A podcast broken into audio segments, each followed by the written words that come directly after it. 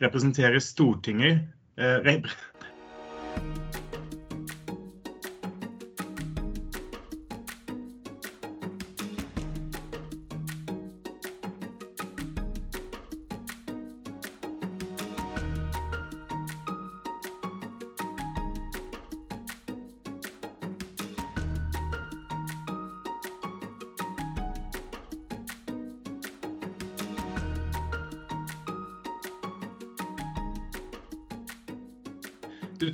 har vi gått igjennom alle partiene nå?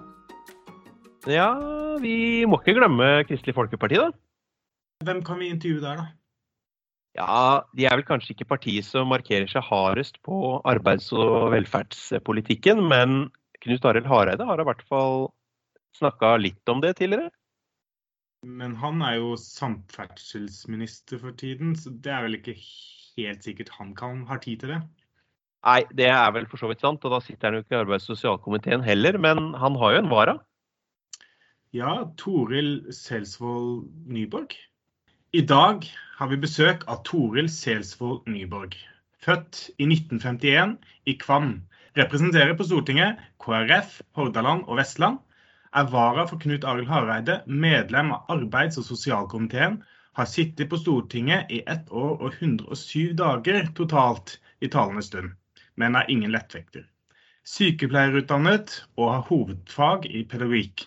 Har vært misjonær i Arequipa i Peru i 77-82. Høgskolelektor i Diakonensishjemmet høgskole, men har hatt permisjon der siden 2003. Har hatt verv som fylkesordfører i to perioder. Vært leder i KrF Hordaland. I tillegg kommer veldig mange meritter, for mange å nevne dem her. I fjor hoppet han av som varaordfører i Øygarden eh, kommune for å møte opp som Hareides vara på Stortinget. Velkommen. Takk skal du ha. Så du for deg at du kom til å komme inn til Stortinget denne perioden? Nei, jeg gjorde jo ikke det, vet du. Eh, fordi at eh, Hareide er en stabil kar. Eh, og jeg var, jeg var jo vara, så jeg er jo alltid litt utsatt. Men når de reiste til Thailand på tur, og, og, og, og, han kom tilbake og sa på flyplassen at når jeg reiste, så hadde vi en regjering som ikke jeg kunne sitte i. Men nå har det endra seg. Da fikk jeg helt gåsehud. og så gikk det da et par dager, og så ringte de fra Stortingets sekretariat og så sier de gratulerer, du er blitt stortingsrepresentant etter statsråd den fredagen. Så det var jo helt spesielt. Da hadde jeg vært eh, varaordfører. Vi begynte jo i oktober året før etter valget. For det var jo samordning av kommunereformer. Og eh, dette er Øygarden kommune, så en slo sammen Øygarden, Sund og Fjell. Så vi hadde jo vært med og forberedt alt, men vi liksom trådte ikke inn før ved nyttår. Så det var liksom 14 dager, og så var det av gårde. Men nå skal jeg tilbake 1.10 til Øygarden. Ja, men det er ikke verst at du kommer på ting igjen. Første spørsmål det er litt uh, mer om deg. Uh, hvorfor blei du politiker? Jeg vet i grunnen ikke helt, men jeg har alltid vært interessert i det. I politikk helt fra uh, jeg var, var, ungdom. Fulgte med i nyhetene, leste aviser. Skrev stiler om politikk, aldri om litteratur. og, og, så tror jeg at den Peru-perioden Vi var jo i Peru i fem år Eh, og gjorde at jeg, jeg syntes det var viktig å aktivere, eh, altså være aktiv i politikken. Skal en få noe samfunnsendring, så må en stå opp for no, noen verdier. En så skifte av, av, politikere i Peru. En så at det var ikke noe god omfordeling. De fattige var veldig fattige, og de hadde liksom ikke noe håp om noe bedre, mange. De kom inn fra fjellene og ned til byene og etablerte seg utenfor de sentrale strøk. Og levde et veldig kummerlig liv. Så det tente en glød. Nå er jo situasjonen helt annen i Norge, men, men, likevel. Du må ha denne gnisten til å gå inn og kjempe for det du tror på i politikken. Og det har inspirert meg hele tida, egentlig. Og de kontrastene som er, og hvor godt vi har det her, og hvor vanskelig det kan være andre plasser. Er veldig mye er pga. styresettet at fordelingen er så dårlig. Kan du si eh, noe om deg selv som folk flest ikke vet? Nei, du nevnte veldig mye. Jeg har nå en stor familie. Jeg er jo enka nå, da, men jeg mista mannen min for tre år siden. Men, men uh, jeg har fire barn og ti barnebarn. Så det har vært en veldig ressurs for meg nå eh, etter at mannen min døde, for det har vært en forferdelig tid. Men jeg har vært i, i politikken og samfunnsengasjert eh, alltid, vil jeg si. Og begynte, men det begynte liksom litt i feil ende. Det begynte i, Kristelig Folkeparti Kvinner. Først som fylkesleder i Hordaland på 80-tallet, når jeg kom hjem fra Peru. Og så ble jeg valgt inn i sentralstyret ganske snart. Og, og på 90-tallet var jeg leder av eh, KrF Kvinner. Og jeg er fortsatt veldig opptatt av eh, kvinnepolitikk. Kaller meg feminist. Er ikke så veldig feminist, for, eh, for jeg ser jo at vi må, må styrke forholdene for alle. Men iallfall for kvinner. Og det ser vi nå her, her jeg sitter òg, når vi behandler pensjoner, når vi behandler lønnsvilkår i ulike yrker, så er damene langt under. Og hvem er det som er minstepensjonister? Jo, det er kvinner. Så her er enda litt å kjempe for før likestillingen er som skal være. Enig i det. Hvis vi begynner å pensle oss litt inn på Nav, da, så har vi jo et litt sånn eh, bredt spørsmål i starten. Hva er Navs viktigste rolle, sånn som du ser det? Nei, Nav er jo blitt navet i eh, velferdsutviklingen. Og alle er jo registrert eh, i Nav og har bruk for Nav på et eller annet tidspunkt. Jeg selv er jo, Dere hørte jo det at jeg var født i 51, så det er jo ikke vanskelig å regne ut hvor gammel jeg er. Men, så jeg har jo hatt kontakt med Nav òg etter jeg ble pensjonist. Eh, og det har vært eh, en veldig grei oppleving, syns jeg ordentlig og greit, og, og alt kommer på tiden. Og, og, jeg har altså ikke vært på et Nav-kontor. Det ordner seg sjøl digitalt alt sammen. Eh, så det har vært eh, en fin opplevelse. Men det er viktig at eh, en har en mulighet når det floker seg til, at folk kan få lov å snakke med noen. Av og til har en bruk for det. Jeg har mange ganger bruk for det når det er noen sånne oppgjør Eh, som ikke er helt i forhold til forsikringsselskap. At du må forklare litt, da må du ha noen å snakke med. Og sånn er det, tror jeg. Det er iallfall et budskap som jeg får, at det er godt for eldre folk å få snakke med noen personer av og til. I internasjonal sammenheng så har jo Norge et høyt sykefravær. Hva tror du det kan skyldes? Jeg tror eh, eh, det skyldes at vi har veldig gode ordninger. Så vi har lav terskel for å oppnå ordningene. Vi har jo ikke karensdag. Eh, vi kan ha egenmeldinger, så vi kan skrive ut sykemeldinger når vi er, er syke. Så det er nok det som gjør det. Jeg tror vi hadde strekt oss litt lenger hvis ikke ordningene hadde vært så gode. Vi hadde kanskje hosta litt på jobb og gått litt når vi var dårlige. Vi er, vi er jo velfødde og har god helse stort sett i Norge. Og vi lever lenge. Eh, så eh, jeg tror nok det. Men det er en villa politikk som eh, de valgte på Stortinget har bestemt, og de representerer jo folket. Så dette er ei ønska utvikling, egentlig. At folk skal ha det godt og ha lett tilgang til trygdeordninger. Eller sykemeldinger, da. En annen trygdeordning det er jo arbeidsavklaringspenger. Fra 2018 så skjedde det jo mye med regelverket på, på AP. Ordinær stønadsperiode ble redusert til tre år, Mulig forlengelse ble satt til maks to år på toppen av det, eh, og vilkårene for forlengelse ble skjerpa. Er AAP-regelverket nå eh, sånn som det bør være, etter ditt syn? Det vet vi ikke helt. For det, det er, det alt er jo under utvikling. En er jo aldri helt fornøyd. Og det er mange som er misfornøyd med den ordninga. De vil ha den gamle ordninga. Men det som var grunnlaget for at den ble endra, var jo at for, ikke for å, å, straffe folk som trenger eh, arbeidsavklaring, men for at arbeidsavklaringen skulle gå fortere. Og at ikke en skulle bruke fire år, men at en skulle klare å bruke tre år. Så det får vi håpe lar seg gjøre. Eh, men det er klart at ordningene, trygdeordningene i, når det gjelder arbeidsavklaring, er gode eh, og bedre enn f.eks. en skal over på sosialhjelp eller andre ytinger. Så det er nok det som gjør at folk er misfornøyde, at ikke de kan være der lenger. Og så er det, er det klart at det, no, det, er jo noen som ikke blir avklart et, etter tre år. Men meninga er at der må Nav skjerpe seg og klare å avklare. Jeg jobba jo selv med arbeidsavklaringspenger, og det er jo selvfølgelig også et spørsmål om hvor mange, mange man har. Hvor fort man klarer å avklare folk og bidra til det. Hadde, jeg hadde jo 175 brukere på AP bl.a. Og når de nærma seg fireårsregelen, så kunne jeg jo ofte prioritere hardt og ta de som det hasta mest med. Men uh, uansett hvor, hvor, hardt jeg hadde skjerpa meg, og vi skjerpa jo så mye vi kan holdt jeg på å si, når, og gjør ting så raskt som mulig. Men det er klart, har man for mange i porteføljen, så rekker man ikke over heller. Så det er jo også et ressursspørsmål. Ja, det er helt klart. Det, det, det er derfor jeg, når, når, jeg ble spurt om jeg var fornøyd eller det, det, kunne være sånn, så det er klart det er i utvikling. Jeg må jo se hvordan det blir håndtert. Og det kan hende det kan, må inn med justeringer og, og andre ting. Men eh, det er iallfall viktig å, at folk kommer tilbake til, til, arbeid. Det er et gode for alle, både for samfunnet og ikke minst for den enkelte.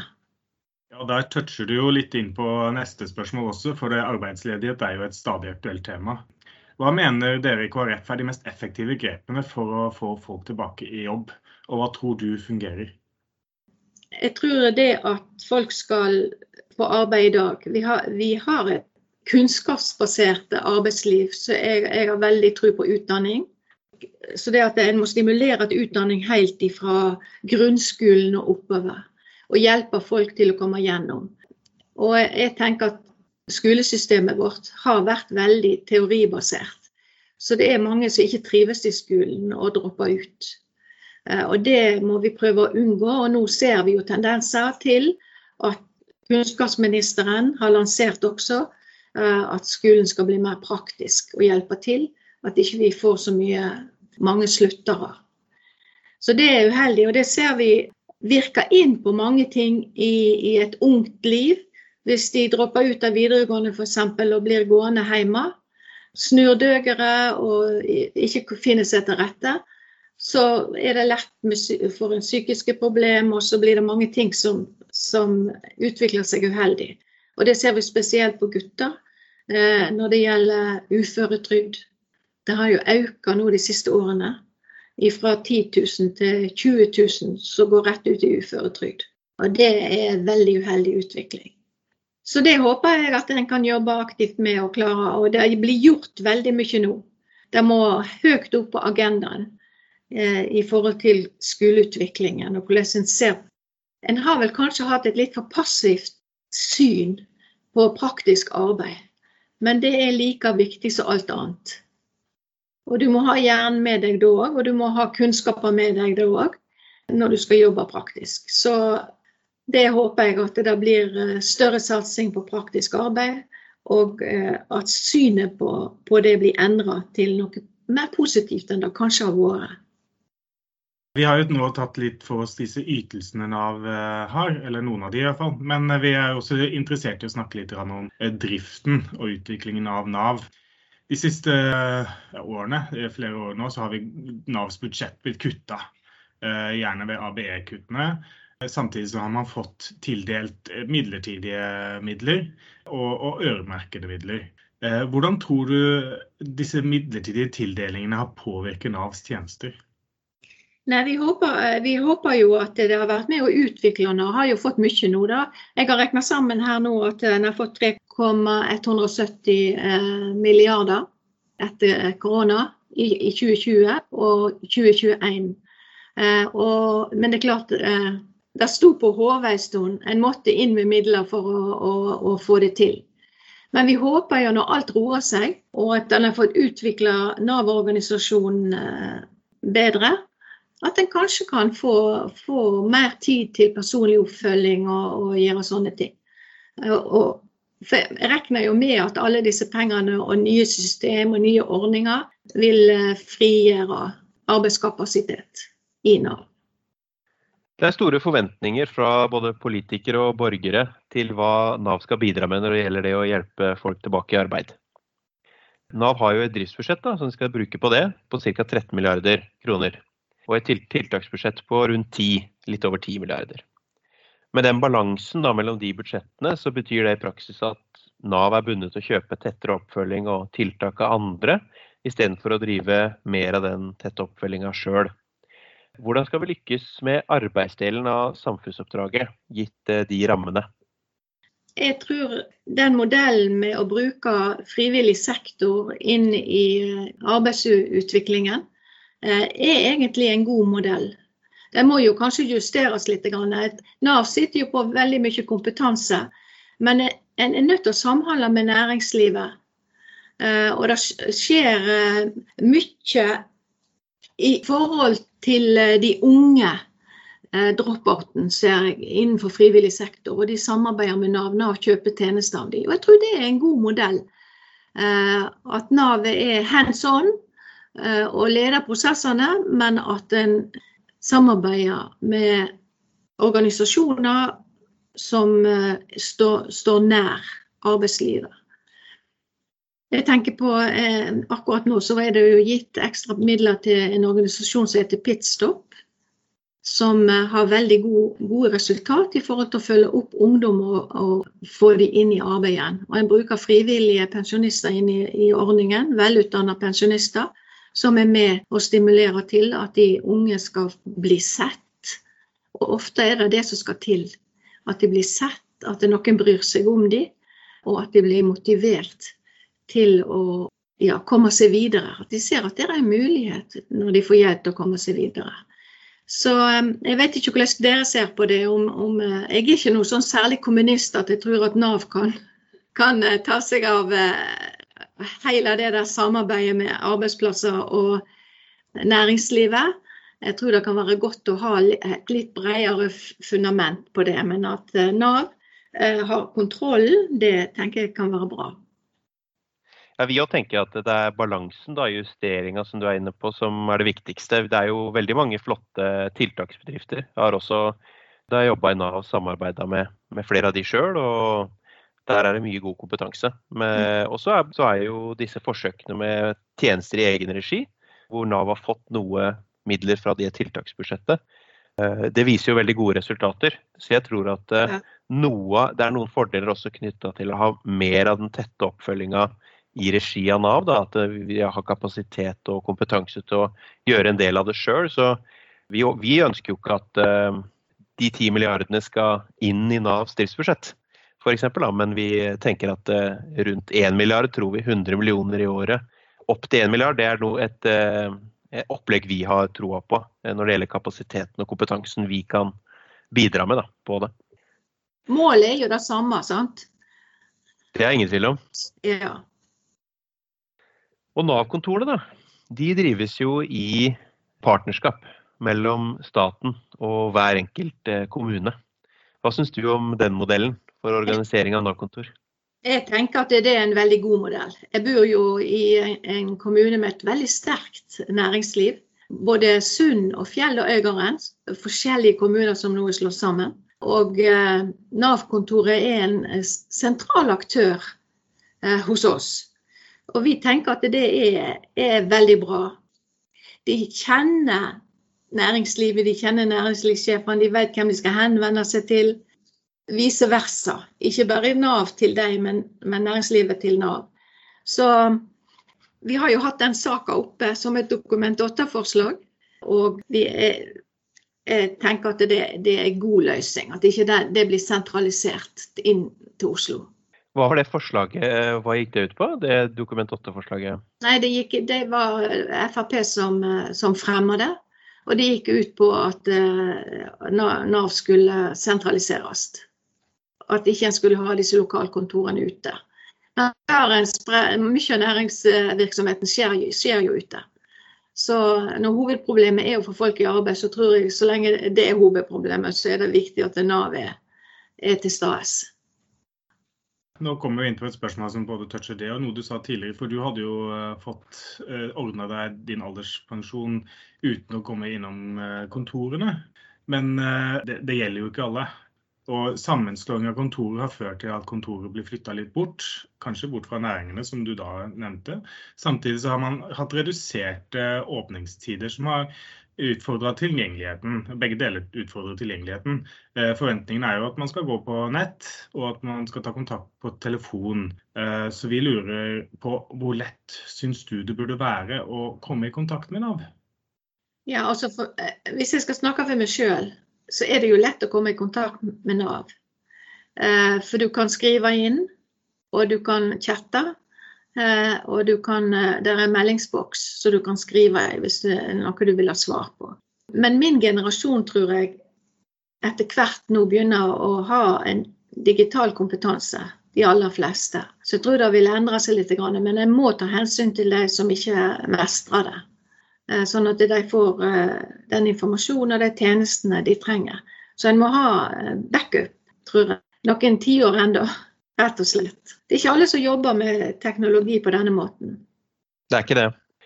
Da er vi snart ferdig, da. Men vi er litt nysgjerrige sånn helt til slutt hva du tenker om oss. Hvordan vil du beskrive en typisk Nav-ansatt? Nei, jeg tror han er hyggelig og kjekk og hjelpsom og vil det beste for folk. Jeg kjenner en Nav-ansatt, ei dame, og hun er jurist.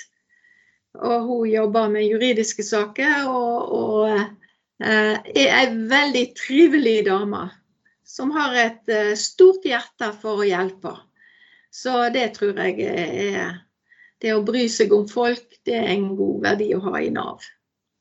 Vi eh, ser jo for oss at eh, Nav kommer til å vare en stund til, så vi lurte på ditt og KrF sitt syn på hvordan Nav ser ut om ti år. Det er ikke så godt å si. Jeg tror folk trenger hjelp da òg. Eh, så det er vel ikke så veldig forandra. En tiårsperiode er jo et kort perspektiv, egentlig. Men det er nok mer digitalisert og kanskje litt mer spesialisert, kan jeg tenke meg. Og det kan jo hende at fordelingen av kompetansesentrene i Nav er blitt litt annerledes. Helt til slutt så vil vi spørre deg om fagorganisering i sluttspalten. Eh, hvorfor er du fagorganisert, eller hvis du ikke er det, hvorfor ikke? Jeg er ikke det nå, vet du, når jeg er pensjonist. Men jeg er med i Pensjonistforbundet. Jeg meldte meg inn der, for jeg syns de er litt dyktige. Eh, men jeg har vært medlem i Sykepleierforbundet, og jeg har vært medlem i mange år i Forskerforbundet til jeg ble pensjonist. Så jeg har vært fagorganisert, og jeg mener det er veldig viktig eh, å stå sammen i kampen for et godt arbeidsliv.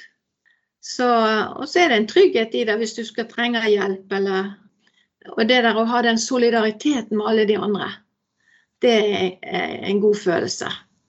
Så jeg husker papp, min far vi, Jeg er jo født i Kvam, som du sa, men i bygda Ålevik, som er industriby bygd. Og, og, min far han kom hjem med disse merkene i boken, så han var fagorganisert. Så, så, det der har jeg hatt med meg helt ifra barndommen.